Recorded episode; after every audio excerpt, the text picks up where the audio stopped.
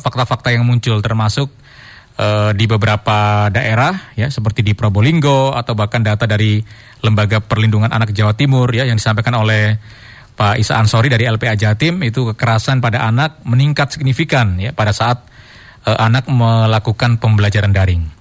Nah, kita akan bahas bersama dengan owner dari Lembaga PAUD Azahra Surabaya sekaligus psikolog dari Pusat Pembelajaran Keluarga atau Puspaga. Dinas Pengendalian Penduduk, Pemberdayaan Perempuan dan Perlindungan Anak atau DP5A Surabaya, Ibu Wiji Lestari MPSI tentang imbas belajar daring ya. Bu Wiji sudah tersambung dengan kita, selamat pagi. Pagi Mas Arif. Iya Ibu, kabar baik ya Bu, kabar sehat selalu? Alhamdulillah sehat-sehat Mas, daring Mas. Iya, daring semuanya tapi kok uh, Bu sepertinya harus dievaluasi nih Bu plus minusnya. Mungkin ada hal yang sudah Ibu catat terkait dengan pembelajaran daring yang sudah enam bulanan ini kita laksanakan Bu. Iya, uh, sebenarnya ada, memang ada sisi positif, ada sisi negatifnya juga. Kalau selama ini mungkin yang ditangkap lebih banyak sisi negatif, ya tapi sisi positifnya juga banyak loh Mas. Uh, kalau kita bicara, sebenarnya kita harus memaknai dulu kenapa sih harus belajar di rumah? Apakah hmm. bisa setting sekolah itu dibawa ke rumah gitu? Mungkin perlu dipahamkan juga ke orang tua dan semua pihak yang terlibat. Apakah anak-anak harus benar-benar apa uh, dengan sikap yang seperti di sekolah seperti itu ataukah bisa lebih fleksibel kayak gitu Mas Arief? Hmm, hmm, hmm, Oke. Okay. Ya. Kalau positif apa Bu yang mungkin Anda lihat dan apa negatif yang sudah mulai muncul dan catat dan harus sudah ada evaluasi dari ya. pemerintah ini? Ya, uh, sebelum kita ke sana sebenarnya kita harus memaknai dulu kenapa sih harus belajar di rumah dan belajar di rumah itu apa sih?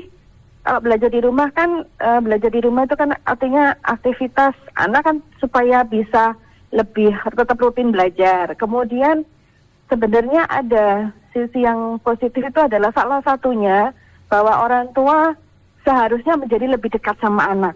Kemudian dia nggak hanya cuma belajar akademik, tapi life skillnya, kegiatan-kegiatan life skill yang di sekolah tidak maksimal itu sebenarnya bisa lebih dimaksimalkan di rumah, seperti bangun tidur, dia harus ngapain. Ini terutama untuk anak-anak yang uh, usia dini itu lebih di, dibiasakan, adanya pembiasaan. Ini kan lebih apa ya, lebih bisa masuk hal seperti ini. Hmm. Kemudian ya, kemudian suasananya juga harus menyenangkan. Kalau misalnya uh, belum-belum orang tua sudah sudah apa ya sudah nggak bisa untuk mengikuti ya anak-anak menjadi menjadi stres sendiri.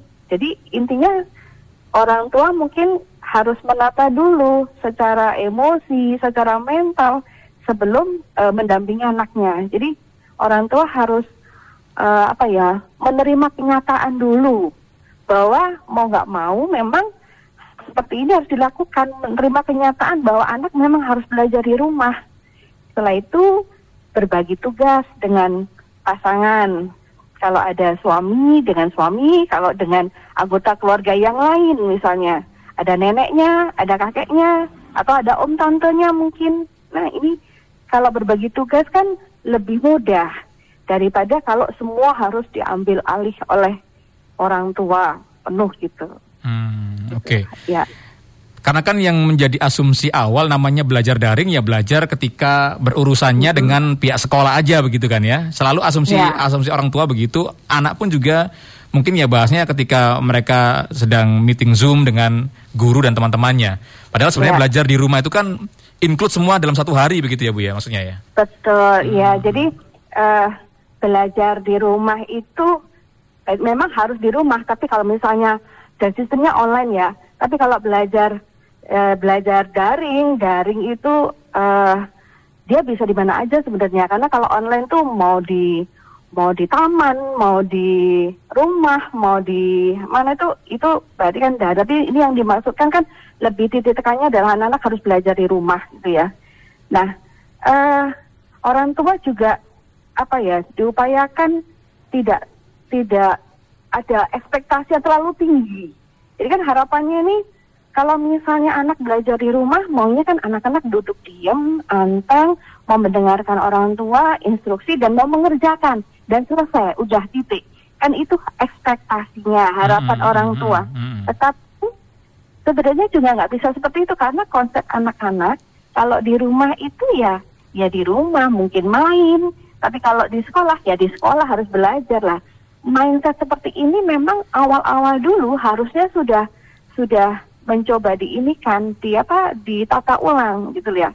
Sehingga kalau di rumah meskipun main ya tetap harus bahwa di dalam mainnya itu ada proses belajar. Hmm. Dan ya dan orang tua juga uh, apa namanya uh, menyediakan ya, artinya menyediakan fasilitas, tapi juga susah mas. Karena kalau fasilitas kan berarti orang tua hmm. juga harus belajar banyak tentang gawai itu. Hmm, uh, susahnya okay. kalau misalnya satu satu gadgetnya dipakai untuk barengan di jam yang sama, saat yang sama, kakak harus online, adik harus online, sedangkan hmm. ayah atau ibu harus kerja pakai ini juga gadgetnya juga dipakai. Nah ini kan masalah sendiri mas. ya itulah tadi persoalannya jangan-jangan mungkin karena ibu dalam tanda kutip sudah capek gitu ya, kemudian anaknya iya. dalam artian hanya me melakukan sesuatu yang tidak sesuai dengan ekspektasi orang tua sedikit saja langsung tersurut begitu kan, bisa Betul. kemudian jadi marah. Itu gimana ya bu ya solusinya ya Bu Wiji? Iya, uh, solusinya adalah sebenarnya yang pertama tadi ya uh, mempersiapkan mental dulu ke orang tua. Selama ini kan kenapa muncul permasalahan karena orang tua itu tadi uh, menerima kenyataannya masih belum, belum sampai pada tahap menerima kenyataan bahwa anak-anak harus belajar di rumah. Mm -hmm. Itu belum. Kemudian uh, apa namanya untuk penyediaan sarana juga ini ternyata belum siap. Dan orang tua juga sudah sudah ada bayangan wah ini nanti gimana? Harus jadi gurunya anak-anak. Padahal selama ini uh, keluarga adalah apa ya keluarga adalah uh, yang untuk mendampingi anak-anak yang utama. Artinya fungsi keluarga yang ini yang dimaksimalkan sehingga proses pembelajaran ini bisa bisa berjalan lancar kalau orang tua sudah sudah panik duluan hmm. sudah uh, memiliki harapan yang terlalu tinggi ini ini yang menimbulkan permasalahan jadi agar tidak seperti itu tentunya uh, orang tua juga apa mengubah dulu. Tapi kebiasaannya selama ini seperti apa? Misalnya kalau bangun pagi, uh, sekolah selalu bangun pagi. Nah, kalau pembelajaran di rumah ini daring ini kan berarti anak-anak tetap harus bangun pagi, bukan di rumah, wah libur. Kesannya kan selama ini merah berasa libur anak-anak. Kemudian uh, tugas-tugas yang dibebankan dari sekolah juga sebaiknya memang dikondisikan atau disesuaikan dengan kondisi anak-anak bukan karena belajar di rumah maka tugasnya dibanyain gitu ya semakin banyak tugas semakin uh, semakin malah anak-anak capek secara apa ya secara kognisinya itu lelah gitu karena secara fisiknya ini uh, mereka mereka butuh apa ya butuh bergerak padahal mereka harus stay harus melihat layar dan ini harus disesuaikan juga daya tahannya berapa lama sih anak-anak hmm. untuk melihat layar monitor itu ya. so. Cuman kan uh, ada beberapa yang sempat uh, saya dengar keluhannya misalnya orang uh -huh. tua itu kan sudah punya kesibukan sendiri, masih harus uh -huh. anak begitu ya, menyiapkan uh -huh. handphonenya. Tadi ibu juga sempat menyampaikan kalau uh -huh. anaknya satu sih masih oke, kalau anaknya dua tiga, HP-nya berapa yang juga harus disediakan, laptopnya berapa, kuota internetnya berarti kan harus pasang wifi ya supaya bisa digunakan oleh ketiga-tiganya. Kalau pasang satu kan kalau nggak ada wifi-nya kan berarti kan satu anak satu operator begitu kan untuk internet. Iya. Kan itu pusing sekali mikirnya. Banyak harus yang harus dikalkulasi dari sisi keuangan dan bahkan mental. Hmm. Maka mindset selain tidak panik tadi, gimana menatanya ya. ini, Bu? Iya, uh, bikin ini Mas, uh, bikin kesepakatan dulu sama anak-anak. Oh, jadi harus bikin misalnya, kesepakatan. Maksudnya gimana tuh? Bisa di, ya, di, diajak kesepakatan gitu ya, anak ya? Iya, jadi begini.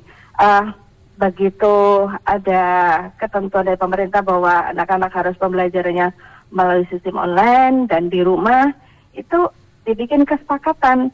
Kesepakatan itu artinya begini, kesepakatannya harus bersama. Jadi harus harus semua memberikan usul anak-anak orang tua. Kalau kesepakatan itu yang dibuat sepihak oleh orang tua, anak-anak yang merasa tidak merasa harus memenuhi kesepakatan. Oleh karena itu harus dibikin bersama. Misalnya uh, kalau gawainya itu cuma satu, ini siapa dulu yang make gitu ya? Siapa dulu? Jam berapa sampai jam berapa? Apakah ada batas waktu untuk pengumpulan tugas bagi kakak misalnya kan kadang guru di sekolah memberikan batasan sampai jam sekian nah, itu kan ada batasan waktu pengumpulan tugas Nah sekarang kemudian adik, adik bagaimana? Apakah ada batasan waktu enggak? Kemudian kapan adik bisa menggunakan ini? Selama ini yang saya ketahui itu uh, kalau misalnya gawainya ini hanya satu, mereka ini ada beberapa anak, ada banyak anak bukan banyak beberapa ya ada beberapa ada banyak anak juga yang mendengar tugasnya malam hari karena ya memang kesempatan orang tua baru nyampe rumah sudah sore sehingga tugas itu baru bisa terlaporkan terkirimkan secara online meskipun sudah dikerjakan mungkin ya sudah dikerjakan tetapi mungkin baru terkirimkan sore hari atau malam hari. Hmm, nah, hmm. susahnya itu kalau ada batasan waktu hmm. dari dari dari pihak sekolah. Hmm, ya hmm. paham sih uh, batasan waktu itu supaya tidak tidak uh, apa namanya supaya lebih tertib gitu ya supaya mereka lebih bisa disiplin gitu. Tapi juga harus dipahami kondisi di belakangnya itu apa gitu ya. Hmm, hmm, hmm. Nah, oleh karena itu kesepakatan ini harus harus apa harus di, dibicarakan bareng supaya uh, orang tua juga bisa menata gawainya ini untuk untuk siapa aja. Kalau misalnya ada lebih dari satu sih tadi memang dikatakan mas itu lebih mudah, tapi kalau hanya satu kan juga susah juga mm-hmm. gitu ya. Mm-hmm. Nah, okay.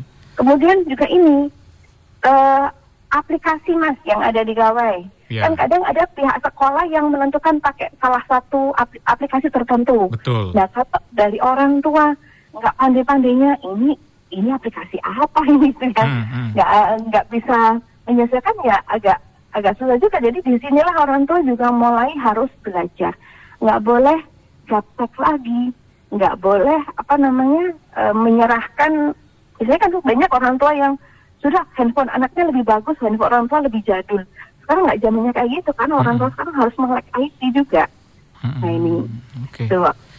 Cuman kalau orang tuanya dua-duanya bekerja gimana ya? Ya. Itu yang saya belum kepikiran kadang-kadang.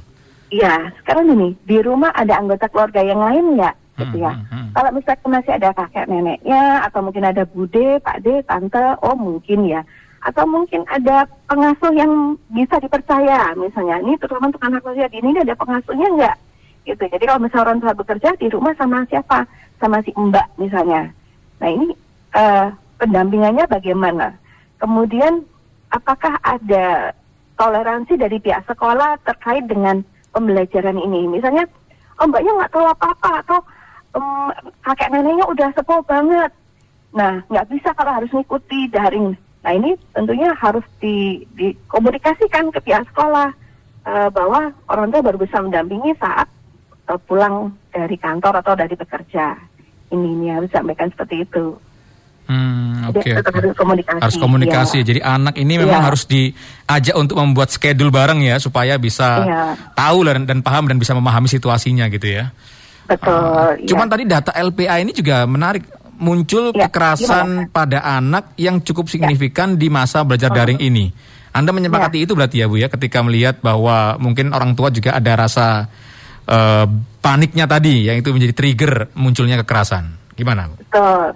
Ya, jadi kalau misalnya munculnya kekerasan itu karena itu tadi uh, orang tua mungkin belum siap, men, belum bisa menerima kenyataan, belum siap secara uh, psikis bahwa sistemnya sudah berubah. Artinya anak-anak harus belajar yang didampingi orang tua. Kemudian di sisi lain juga adanya harapan orang tua yang terlalu tinggi dengan sistem pembelajaran secara online ini. Harapannya anak-anak lebih diawasi itu lebih tertib, lebih anteng. Tapi ternyata tidak seperti itu. Anak-anak malah lebih banyak main, bangunnya lebih siang. Hmm. Sehingga itu harus butuh energi untuk manggil anak-anaknya lagi main di luar supaya mau ke rumah, supaya mau belajar, atau mungkin anak-anaknya lebih apa ya uh, aturannya menjadi jadi bubrah istilahnya. Yang biasanya anak-anak pulang sekolah anteng dan sebagainya, tapi sekarang malah menjadi kacau. Nah, aturan yang di rumah menjadi tidak tidak apa namanya tidak sesuai yang diharapkan orang tua ya itu yang juga membuat orang tua menjadi mm -hmm. semacam stres sendiri ya kecemasan was was was kemudian nah kekerasan ini muncul karena setelah stres orang tua belum bisa mengatasi kecemasannya atau stresnya menjadi bisa menjadi depresi juga seperti itu yeah, yeah. sehingga ya muncullah di perilaku perilaku ini akibat dari kondisi mental yang hmm. yang tidak apa tidak pas gitu ya, tidak kuat gitu. Ya, ya. Sebelum nanti bagaimana sih buah simal kama ini bisa enak begitu kita nikmati? Karena kan memang masa pandemi ya eh, meskipun ya. turun dari merah ke orange begitu kan baru satu ya. level potensinya bisa naik ke merah lagi meskipun me memang ya. ada potensi turun ke kuning. Cuman nanti pembahasan itu kita ke Bu Sandra boleh ya Bu? Karena ada boleh, pendengar boleh. ini Bu Jilestari adalah uh, owner lembaga PAUD Azahra Surabaya sekaligus psikolog dari Pusat Pembelajaran Keluarga atau Puspaga, Dinas Pengendalian Penduduk, Pemberdayaan Perempuan dan Perlindungan Anak DP5A Surabaya. Bu Sandra nih dari Sidoarjo. Selamat pagi Bu Sandra. Selamat pagi Mas Arief. Assalamualaikum. Waalaikumsalam warahmatullahi wabarakatuh. Ikut mendampingi ya. belajar online atau enggak ini Bu Sandra? Uh, uh, kebetulan putra sudah sudah lulus sudah bekerja sudah, udah nikah. Oh, jadi nggak ada yang didampingi udah, ya? Mungkin iya. cucu gitu nggak ada ya?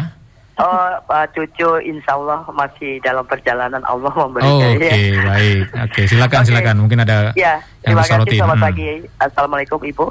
Waalaikumsalam Mas Andra. Ya, terima kasih. Barangkali ini suatu apa ya problem para ibu-ibu orang tua barangkali ibu dan saya pun barangkali sama walaupun saya sudah bebas dari semua ini dan punya cucu. Namun dalam hal ini juga uh, dalam situasi seperti ini kan saya uh, melihat perkembangan apa yang ada anak-anak di perumahan sini sebelum adanya uh, daring uh, apa ya cara belajar mereka itu kan sebelumnya bertatap muka dengan guru teman-teman yang mereka kangen canda tawa dan segala macam ketika mereka mendapat tugas pekerjaan rumah mereka merasa enjoy mereka uh, dapat tugas ini tolong kerjakan ini ada PR sekian gitu kan halaman sekian mereka harus membuka buku dan di saat itu uh, kondisi orang tua ketika membantu anak-anak itu pun dalam situasinya artinya tuh uh, enjoy karena tidak tergantung pada saat berkaitan dengan online. Uh, itu apa apa ya pemikiran-pemikiran itu bisa luasa. Namun dalam situasi seperti ini saya yang perhatikan ini ada beberapa orang kan kita punya grup jadi ada orang tua aduh stres dapat pertanyaan begini harus begini gini gini gini gitu kan. Terus anak-anak yang ketika mereka sudah sebelum ada yang dari ini mereka masa bermain yang begitu luas tanda tawa bermain tiba-tiba dapat informasi dari guru ke orang tua bahwa tolong anaknya dibimbing ada pekerjaan. Nah, di saat kondisi anak ketika mereka mendapat tugas dan di, di, di, ditemani oleh orang tua yang mengerti kadang ada orang tua juga yang ya tidak semua ada yang bisa memahami teknologi ada yang memakai uh, apa apa handphone dan segala macam itu kan jadi dalam hal ini, ketika kondisi anak mereka lagi bermain dengan begitu puas cerianya, senangnya, tiba-tiba dapat laporan bahwa mengerjakan tugas orang tua menemani. Di saat inilah kondisi anak ketika mental itu kan sangat penting sekali. Mereka sudah dalam kondisi stres, satu ngantuk dan capek dan mereka merasa mereka ngamuk. Ada bermain, kenapa dapat tugas seperti ini? Hanya ketika mereka di saat menemani itu mereka udah nggak konsentrasi lagi. Akhirnya orang tua yang harus bersusah payah untuk membaca soal demi soal dan menjelaskan kepada anak ini. Nah, dari sini dengan situasi seperti ini artinya kita melihat kepada fisik mental anak tersebut entah itu dia TK, SD, SMP, SMA seperti gitu kan. Hmm. Itu kita melihat di situ, kita lihat dulu situasinya anak ini gimana ketika dia menerima. Kita sebagai seorang ibu atau seorang suami atau kita suami istri yang menemani cucu kita atau anak-anak kita. Di sini kita tanya, gimana bisa kamu kerja gini, kita adakan komunikasi dengan anak ini. Ayo, sekarang tugas tadi bermainnya udah cukup. Sekarang kita belajar ya. Ayo kita belajar, belajar itu enak. Jadi bagaimana kita menyampaikan kepada anak ini sehingga dia menerima dengan enjoy. Ketika uh, kita mem mem mem memberitahu kepada anaknya pelajaran ini enak, gampang. Kalau hmm. kamu kamu ini baru kamu hebat, kamu yeah. akan cerdas, kamu akan ini seperti itu. Jadi kita lihat seperti itu. Kalau terjadi tindak kekerasan dalam hal ini, memang ada beberapa juga yang terjadi akhirnya apa? Kadang orang tua dengan sibuk suatu pekerjaan, dia membiarkan anak itu bermain. Dia hmm. tidak memantau jam tidur anak harus jam tidur, jam ngaji, jam sekian, jam sekian. Baik. Itu tidak terkontrol sehingga anak jadinya dia berontak dalam hal ya, apa ya. yang dia dapatkan itu dia ber, bergabung dengan anak-anak yang hmm. uh, broken home atau apa pun. Di situlah anak itu bertindak hal-hal ada beberapa yang saya lihat juga. Okay. Dia menjadi keras, dia menjadi marah, baik. dia menjadi bantah dalam hal itu. Sekian dan terima ya. kasih. Semoga bisa lebih baiklah pendidikan ke depan. Oke. Okay. Uh, terima kasih. Selamat pagi. Assalamualaikum. Waalaikumsalam warahmatullahi wabarakatuh.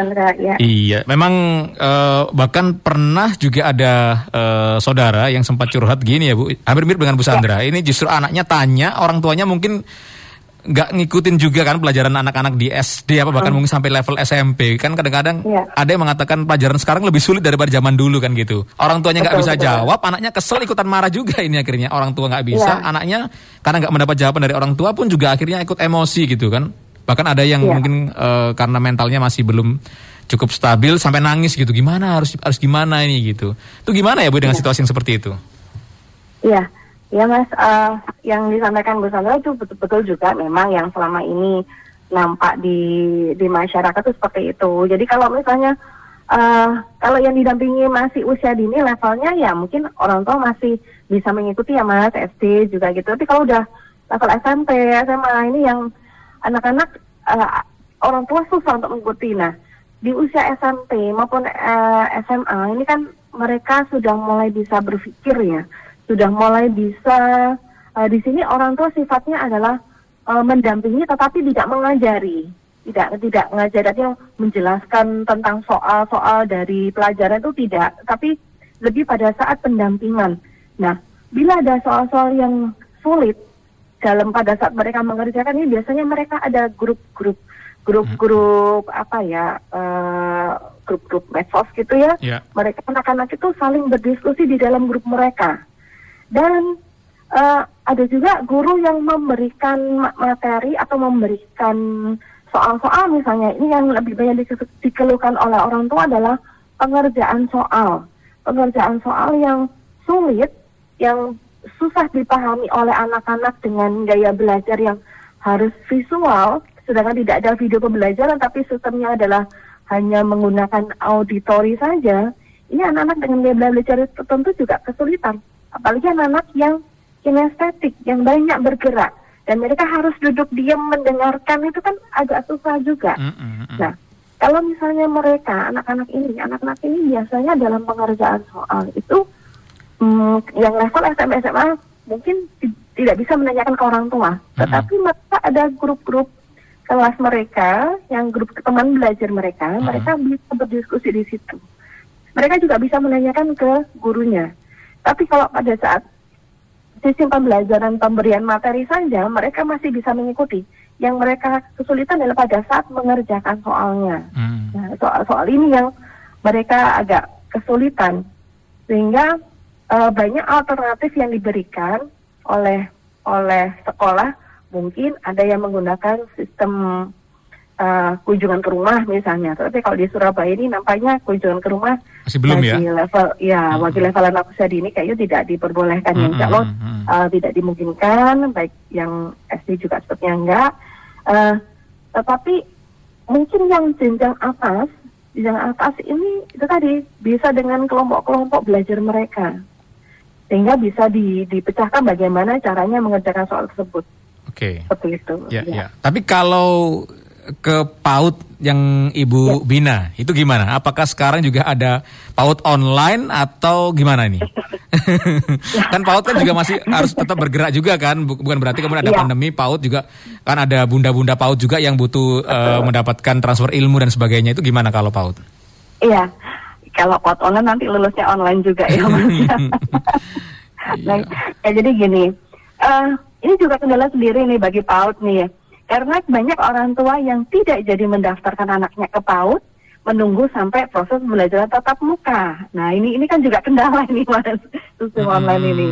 Uh, sehingga kalau yang yang selama ini dilakukan bahwa sistem pembelajarannya itu berupa uh, daring itu tetap anak-anak anak-anak PAUD itu kan lebih suka melihat contoh ya mas ya lebih suka melihat lebih mudah mengajari mereka melihat dengan menggunakan secara visual contoh dan bendanya itu seperti apa.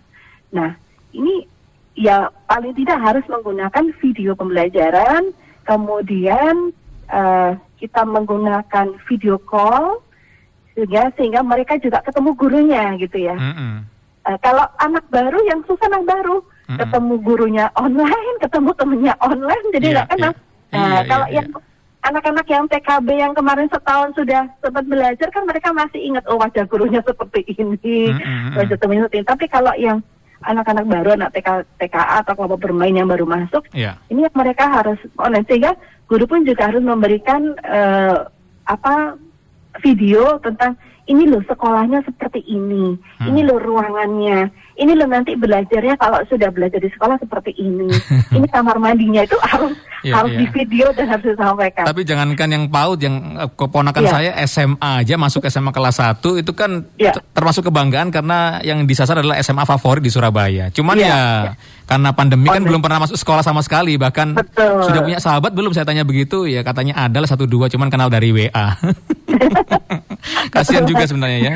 Tapi Iya, tapi kan bukan berarti kemudian disimpulkan bahwa eh, pembelajaran online ini belum cukup berhasil kan Bu. Cuman sebelum ditanggapi saya ke Mas Dewa boleh ya ada pendengar ini.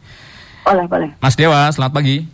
Selamat pagi Mas Arief. Iya, selamat pagi Mas Dewa, silakan Mas. Iya, iya dari Ibu juga narasumber salam sehat. Jadi gini Mas, menurut saya memang eh selama masih pandemik ya, menurut saya pendapat saya ya, jangan nanti nggak terima ada yang komentar nggak terima pendapat saya silakan. Tapi saya ngomong masih pandemik, sebenarnya jangan terlalu dipaksakan untuk tatap muka. Tapi kembali lagi untuk online pun ini kan masih try and error, masih mencari mana yang paling bagus ya. Makanya Pak Nadiem ini berpikir keras tidak masukkan. Tetapi uh, orang tua jangan pernah malas untuk memberikan didikan karakter. Nah, sampai kalau ada kekerasan, menurut saya ini sebenarnya makanya parenting skill, nah, itu premarital marriage itu harusnya kan dipersiapkan. Berarti saya nggak habis pikir kok sampai melakukan kekerasan. Memang indikasinya kalau memang sudah seperti ini stres orang tua.